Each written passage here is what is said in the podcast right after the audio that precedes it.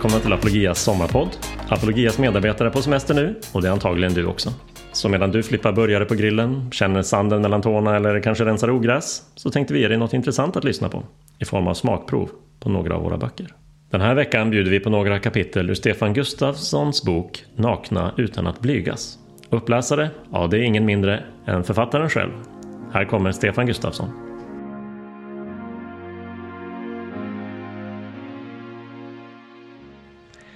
Nakna utan att blygas. Om den sexuella revolutionen och en revolutionär syn på sex. Inledning. Är det möjligt att tala om sex när alla kommer till samtalet från så olika håll? Under många år höll jag kurser om sexualitet för studenter. Från början var åldersskillnaden mellan mig och den genomsnittliga studenten runt 10 år.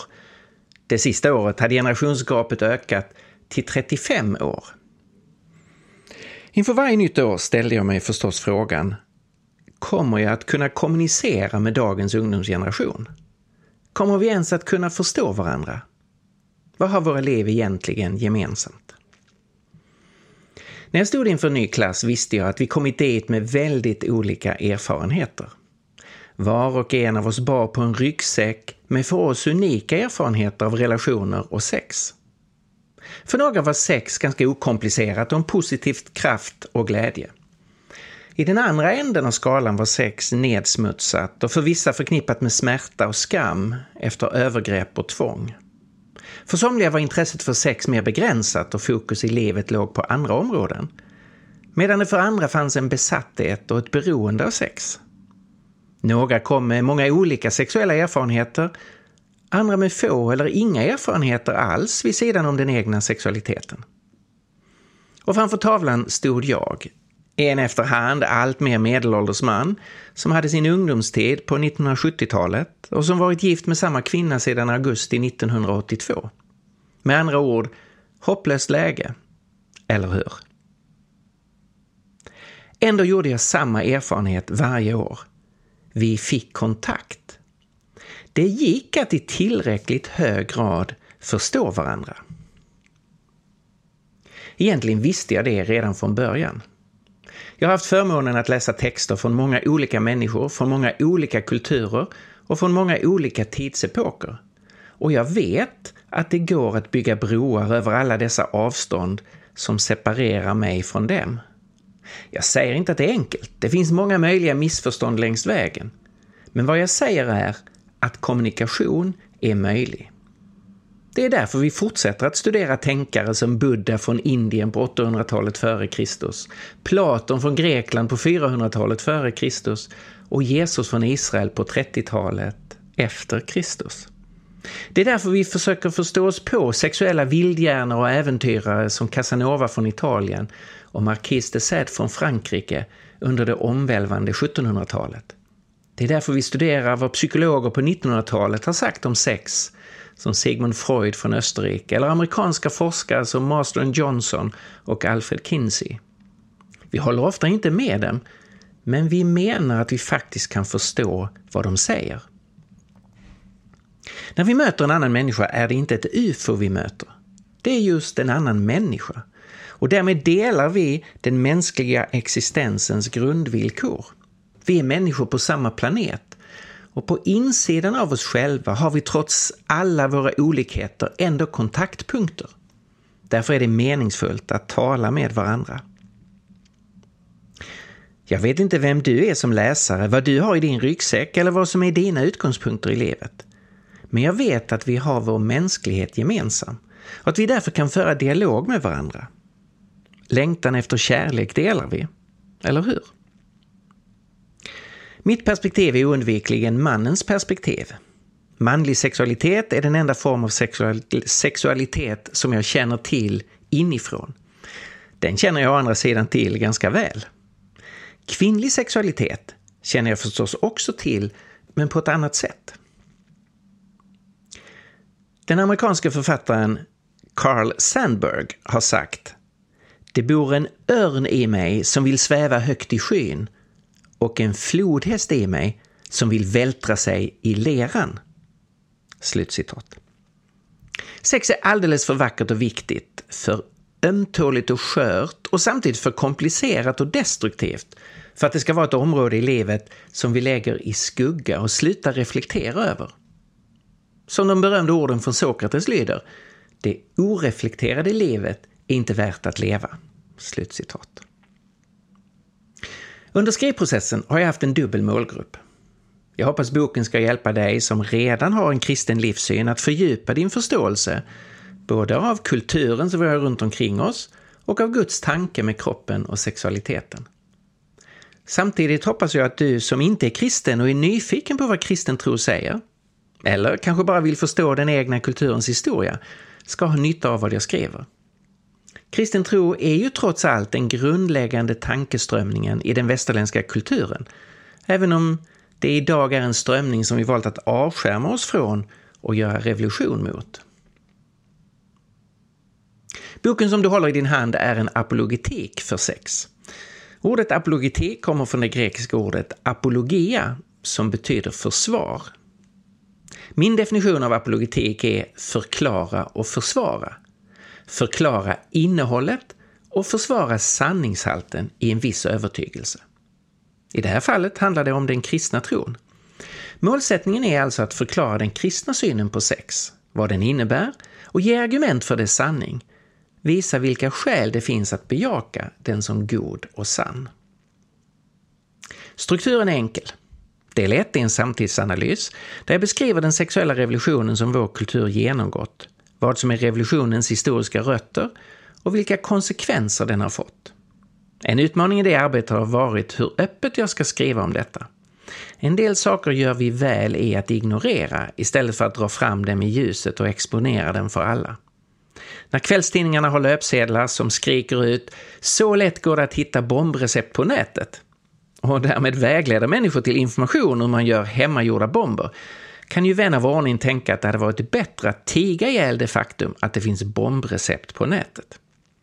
Nya testamentet säger dessutom om sexual, sexuell omoral att sådant ska det inte ens vara tal om bland er. Vilket väl indikerar att tystnad bör vara vår strategi. Nej, vad Paulus talar om är att vi som kristna inte ska leva i sexuell omoral eller i vårt tal trivialisera den. Men han stänger inte dörren för en kristen kulturanalys. När det gäller den sexuella revolutionen har den genomsyrat vår kultur på ett sådant sätt att dess konsekvenser redan är uppenbara. För en yngre digital generation är den en del av det vardagliga livet. Därför hjälper det inte någon att den kristna kyrkan är tyst. Därför har jag valt att skriva så öppet och rakt som möjligt. Del två är bokens kärna och utgörs av en presentation av den kristna synen på kropp, kärlek och sexualitet. Del tre ställer ett antal konkreta följdfrågor och diskuterar väsentliga invändningar som vår kultur reser mot den kristna sexualsynen. Bokens argument är kumulativt, det vill säga successivt adderande. Det betyder att det är den sammanlagda tyngden av ett antal argument och resonemang som har övertygat mig. Självklart ska de enskilda argumenten också prövas var för sig, men det är helhetsbilden som är bokens poäng. Det handlar om att jämföra och utvärdera två olika perspektiv. Den sexuella revolutionen och den kristna tron när det gäller kärlek och sexualitet. Man kan förstås läsa de olika kapitlen frikopplade från varandra och nicka instämmande eller grymt avståndstagande till det som man läser. Men det är först när man läst boken som helhet som man egentligen kan ta välgrundad ställning till den. I inledningen till sin bok om treenigheten säger Augustinus några ord som jag gärna gör till mina. Kära läsare. När helst du är viss om något, så som jag är, fortsätt framåt med mig. När helst du tvekar, sök tillsammans med, med mig. När helst du upptäcker att du har gått vilse, kom tillbaka till mig. Eller om jag själv har gått vilse, kalla mig tillbaka till dig. På så sätt kan vi vandra längs kärlekens väg tillsammans medan vi styr färden mot honom om vilken det sägs Sök alltid hans ansikte. Slutcitat. Mitt perspektiv utgår från två hörnstenar. Om jag får lov att tala teologiska bygger det både på den allmänna uppenbarelsen och den särskilda uppenbarelsen. Vad betyder det? På vanligt språk innebär det att jag utgår från vår gemensamma verklighet, den som vi alla delar som människor. Det gäller både den yttre fysiska verkligheten runt omkring oss och den inre upplevda verkligheten hos oss själva som människor. Jag vill alltså ta sinnena, förnuftet, samvetet och den mänskliga erfarenheten på allvar. Detta är den allmänna uppenbarelsen. Samtidigt vill jag lyssna in de bibliska texterna, som utgör den visdom som alla kristna traditioner har gemensamt, och ta vägledningen där på allvar. Vi som kristna ser Bibeln som kommunikation från skaparen till oss som skapade varelser. Gud har uppenbarat sig för särskilda människor vid särskilda tidpunkter och på särskilda platser. Därav uttrycket den särskilda uppenbarelsen.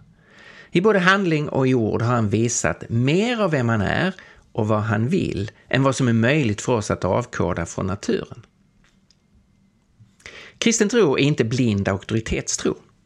Vi kan förvänta oss att den allmänna uppenbarelsen, skapelsen, och den särskilda uppenbarelsen, skriften, ligger i samklang med varandra. Att deras röster överlappar varandra och kan bekräfta varandra. Den Gud som har skapat världen och människan är samma Gud som har uppenbarat sig i historien och gett oss Bibeln. Kristna förväntar sig därför finna samklang mellan the world and the word, mellan skapelsen och skriften. Därför är det alltid legitimt att fråga efter ett varför i kristen tro. Tyvärr har detta inte alltid tillämpats bland kristna. Khloe Kardashian, medlem av den numera världskända dokusåpafamiljen, har sagt “Jag gick i en katolsk skola och de sa bara att vi inte skulle ha sex, men de förklarade aldrig varför.” Slutcitat. Samma sak kan många från en protestantisk bakgrund vittna om. Det är lika ohälsosamt och obibliskt var det än förekommer. Någon har skämtsamt sagt “Jag gör vad rösterna i mina kalsonger säger åt mig att göra”. Det kan man skratta åt, men knappast bygga ett lyckligt liv på, än mindre en hälsosam kultur. Vi behöver lyssna in fler röster, vi behöver ett öppet och inträngande samtal om synen på sex. Ljuvligt och sjaskigt blandas i mänsklig sexualitet. Kärlek och själviskhet ligger sällan närmare varandra än på detta område. Därför behöver vi prata mer med varandra om sex. För att ett sådant samtal ska bli meningsfullt måste vi göra upp med vår samtids banala förståelse av kärlek som bejakelse.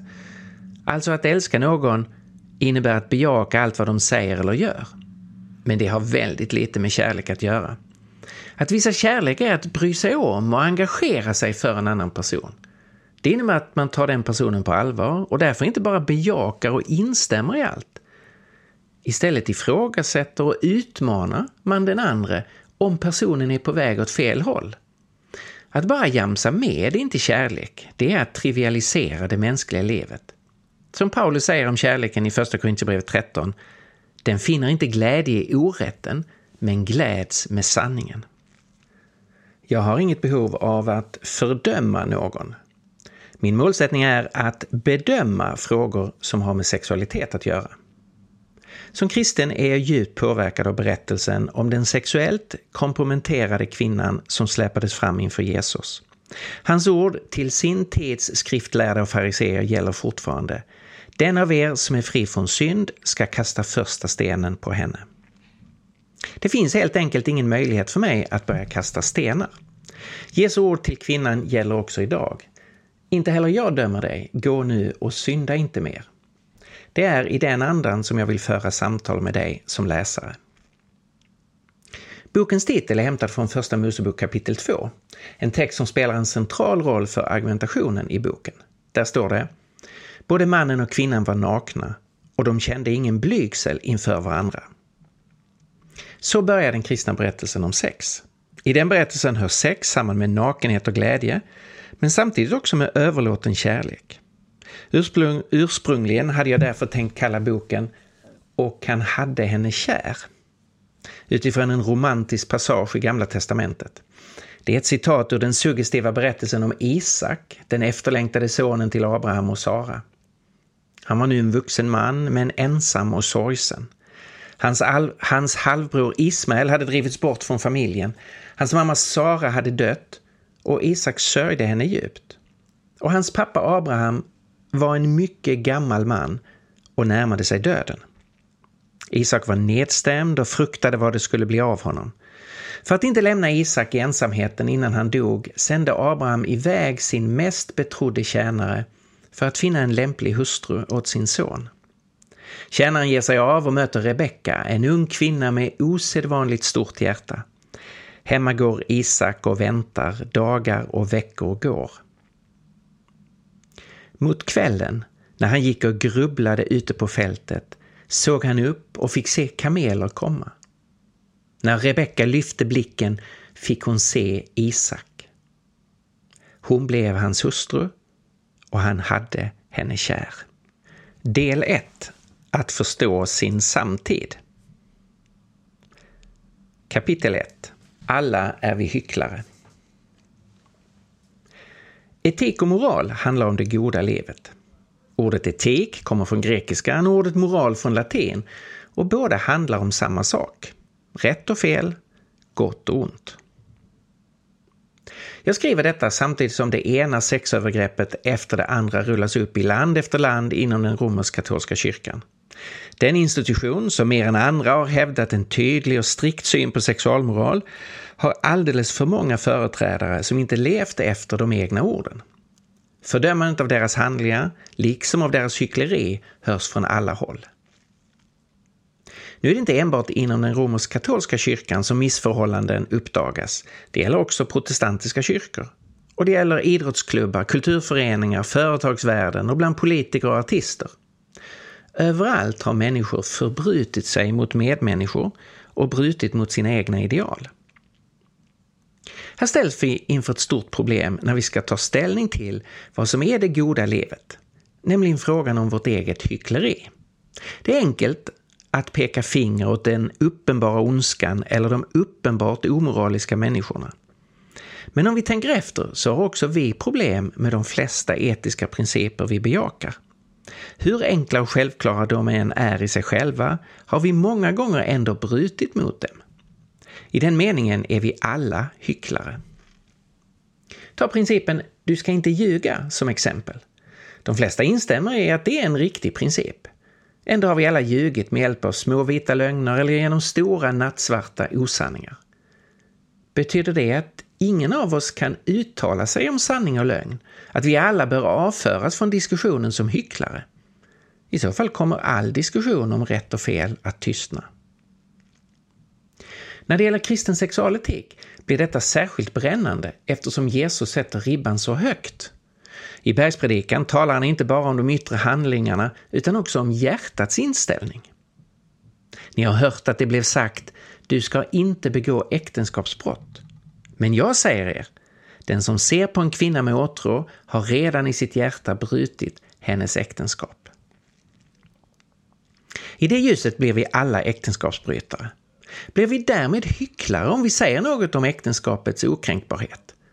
Inte med nödvändighet. Det finns en faktor till.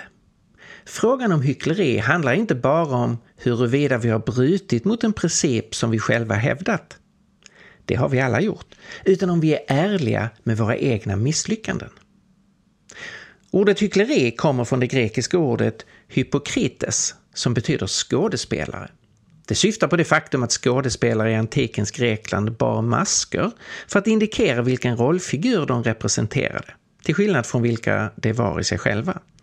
Hyckleri handlar alltså om att spela en roll som inte stämmer med vilka vi egentligen är. Det är inte hyckleri att hävda en etisk princip även om man själv har brutit mot den. Nej, hyckleri blir det när man hävdar en etisk princip och låter dess dom falla över andra människors liv samtidigt som man själv sätter sig på oskuldens piedestal fastän man själv har brutit mot samma princip. Att vara ofullkomlig, att ha gjort fel, att ha syndat innebär inte automatiskt att man är en hycklare. Om vi inte lever med masker som döljer vårt verkliga jag utan istället erkänner våra felsteg och omvänder oss från dem, då är vi trots vår historia inte hycklare. Syndare, ja, men inte nödvändigtvis hycklare. Det här är en bok skriven av en syndare för andra syndare. Så är det för övrigt med hela den kristna kyrkan. Som någon sagt, kyrkan är inte ett museum av helgon.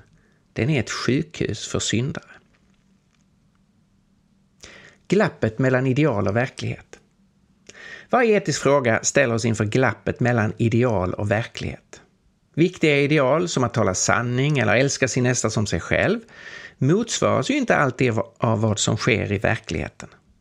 Det finns alltid ett glapp, större eller mindre, mellan de höga principerna och den mänskliga verkligheten. Det gäller inte minst när vi talar om sexualitet. Därför är det av största vikt att tänka igenom hur vi förhåller oss till detta oundvikliga glapp. Bland kristna kan man skönja tre olika grundhållningar till glappet mellan ideal och verklighet på sexualitetens område. Den första hållningen är att sänka idealen så att de närmar sig verkligheten. Detta är kännetecknande för den liberala teologi som gradvis har anpassat sexualetiken till trenderna i kulturen. Så kan Svenska kyrkan och RFSU, RFSL i många frågor idag ta varandra i hand, vilket de också bokstavligen gör under Prideparaderna. Svenska kyrkan har helt enkelt samtidsanpassat många av sina övertygelser. Etisk reflektion kommer då inte främst att handla om hur det borde vara, utan kommer istället att spegla hur det rent faktiskt är. Därmed minskar man bekvämt nog glappet mellan ideal och verklighet, men samtidigt undergräver man förståelsen av etiken, av vad som är det goda livet. Ester Kassén, pastor och generalsekreterare i Sveriges ekumeniska kvinnoråd och kanske mest känd som feministpastorn, kan tjäna som exempel. Jag har lika stor respekt för den som väljer att vänta med sex till bröllopsnatten eller den som helt väljer att avstå från sex, som jag har respekt för den som väljer att vara sambo eller ha sex med någon helt utan att vilja dela livet med den. Jag tror inte att alla mår bra av casual sex, men jag tror inte heller att alla mår bra av att vänta länge med sex. Det finns inte en självklar praxis som ger garantier för ett bra sexliv. Vi människor behöver olika saker. Men jag unnar alla just ett bra sexliv. Alltså en sexpraktik som är hälsosam och härlig och det kan se olika ut för olika personer. Slutcitat. Den andra hållningen är att dölja glappet genom hyckleri och hårdhet. Detta har varit den traditionella attityden i frikyrkan, liksom i andra mer bibeltrogna och teologiskt konservativa sammanhang. Här upprätthålls idealen i undervisningen, men de relateras alltför sällan till den faktiska verkligheten. Det viktiga är att inte avslöjas, utan att istället kunna visa upp en förträfflig fasad. Om fasaden spricker är det katastrof. Då möts man av hårdhet och fördömanden. I värsta fall förvisas man ur gemenskapen. Beskrivningarna ovan är förstås hårdragna för att få fram en kontrast, men de speglar ändå två olika förhållningssätt som inte ligger i linje med hjärtat i den kristna tron. Den tredje hållningen är att möta verkligheten utifrån evangeliets nåd och kraft. Jesus sänker inte de etiska kraven, snarare tvärtom.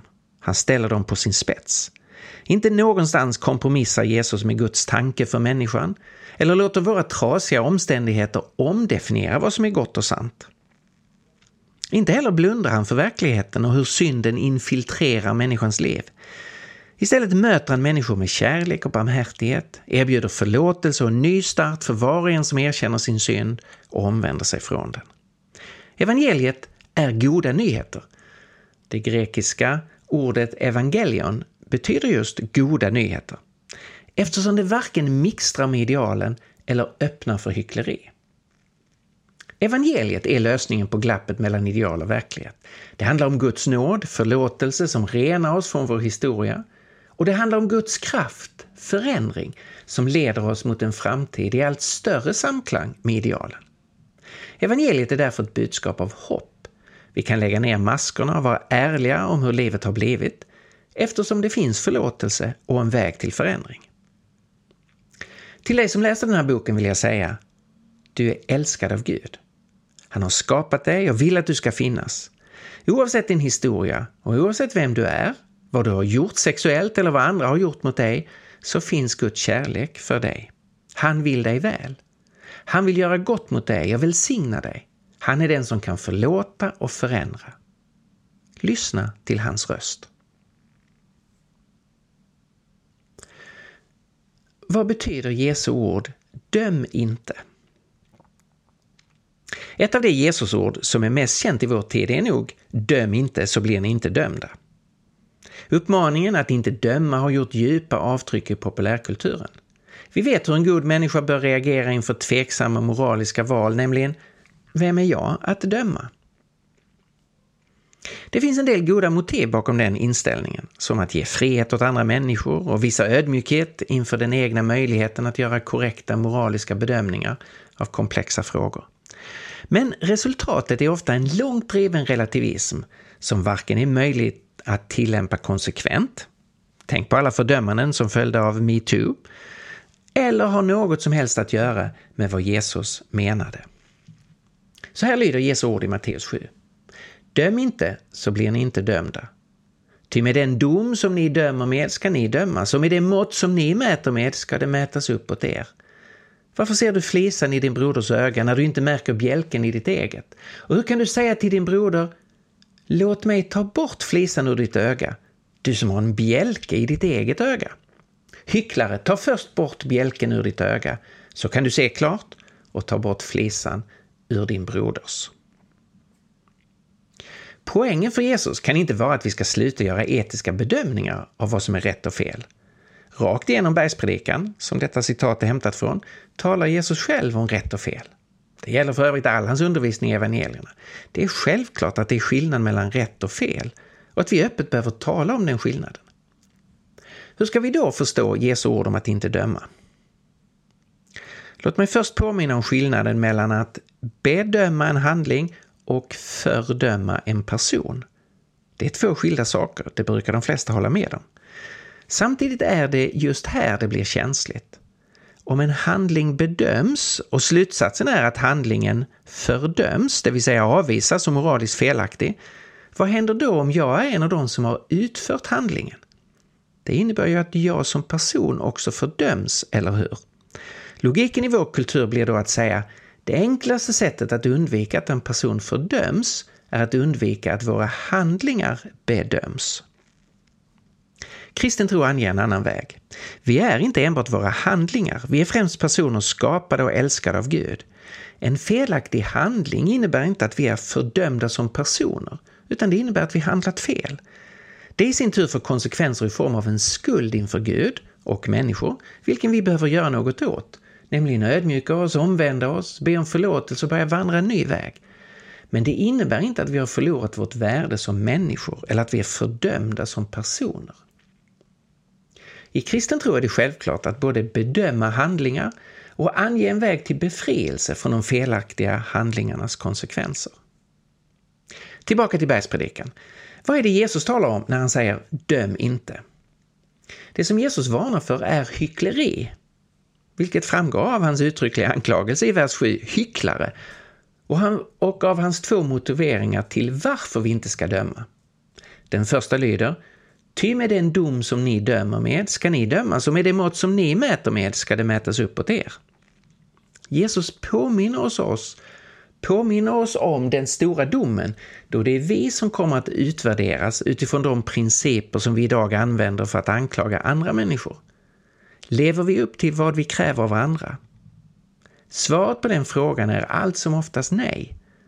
Det leder vidare till den andra motiveringen som är ställd som en fråga. Varför ser du flisan i din broders öga när du inte märker bjälken i ditt eget? Det är enkelt att slå ner på andras svaghet och andras synd samtidigt som man minimerar och urskuldar sin egen.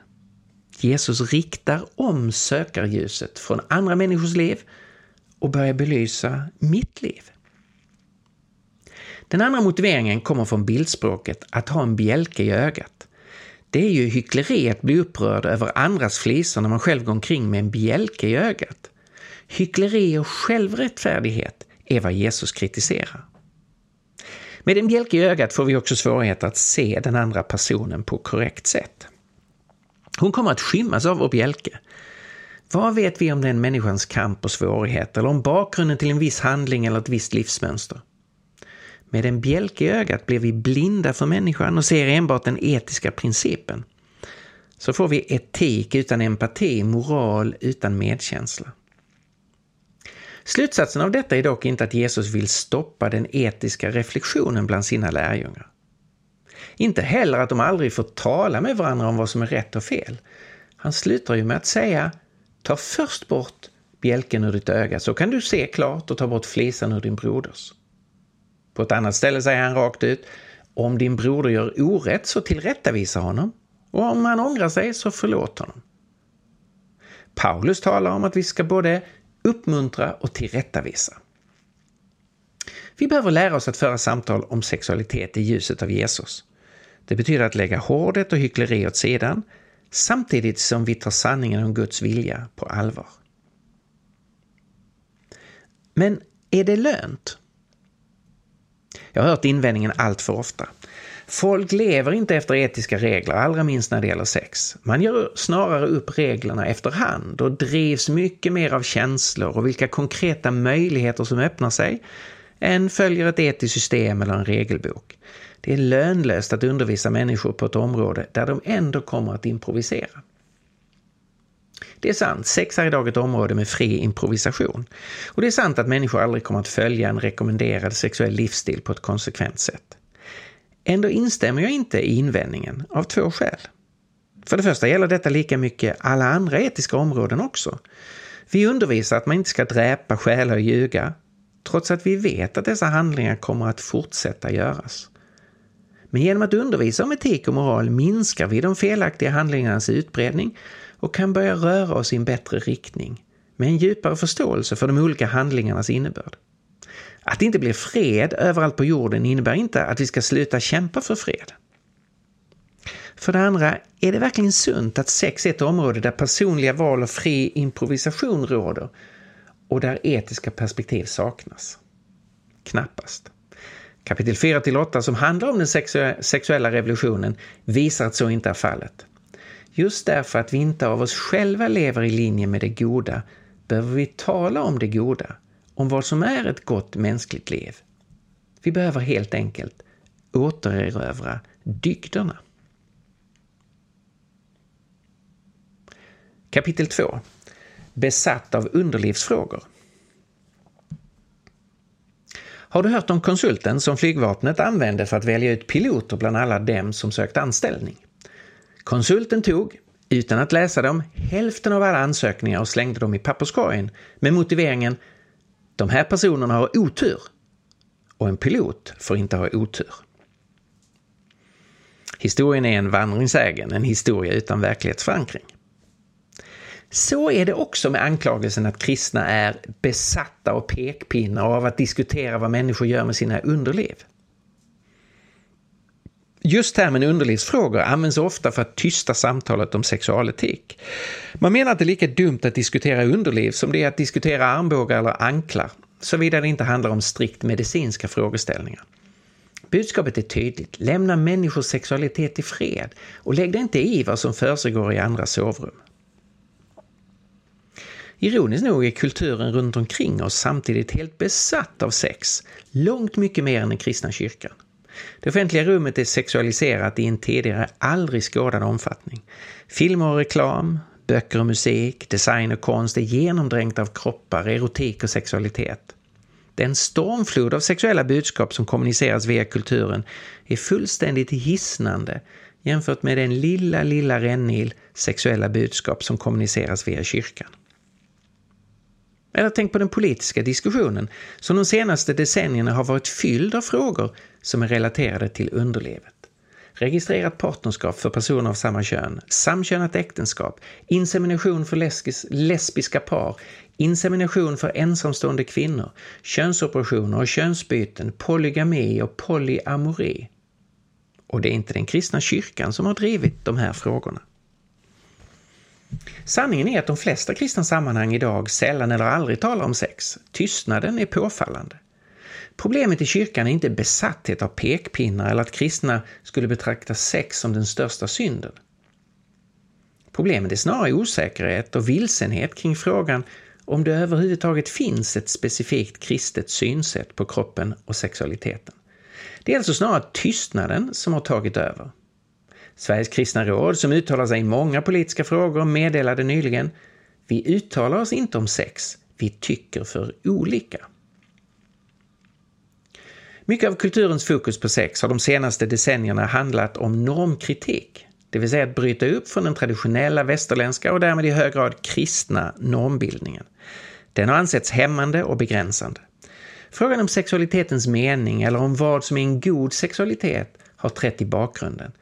Istället har sexualiteten betraktats som ett befrielseprojekt, en kreativ kraft som äntligen ska släppas ut ur sin fångenskap. Dessvärre är tillvaron inte så enkel. Som metoo-rörelsen har visat är människans sexualitet komplex och kan vara både konstruktiv och destruktiv, vilket den klarsynte förstås visste långt innan metoo. Den sexuella normlöshet som vi gett oss hän åt har inte bara lett till frihet utan också till förtryck. Redan Oscar Wilde lär ha sagt allting i livet handlar om sex. Förutom sex. Sex handlar om makt. Det är uppenbart att vi behöver tala mer om sexualetik, både i kulturen och i kyrkan. Våra kroppar och vår sexualitet är inte något oviktigt som ska ignoreras, utan är en avgörande del av vad det är att vara människa. Därför behöver vi prata mer om sex.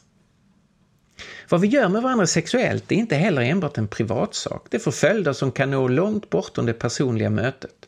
Positiva följder när det fantastiska sker att en ny människa blir till. Negativa följder när någon kränks, misshandlas eller för vidare sjukdomar.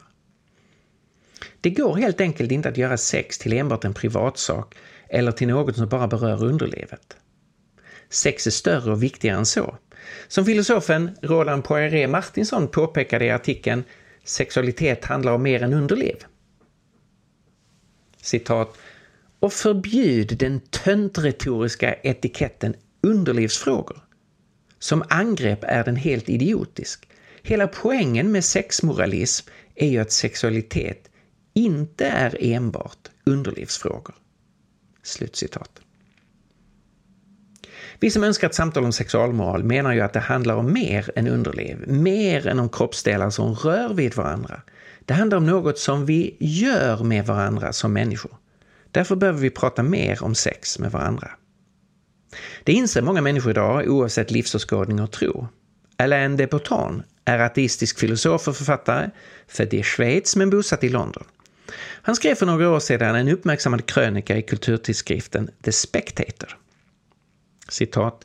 Jag tog det djärva steget och lämnade London för att hälsa på några vänner i Gloucestershire. En kväll efter en erforderlig mängd vin gick vi laget runt och berättade om våra svagheter.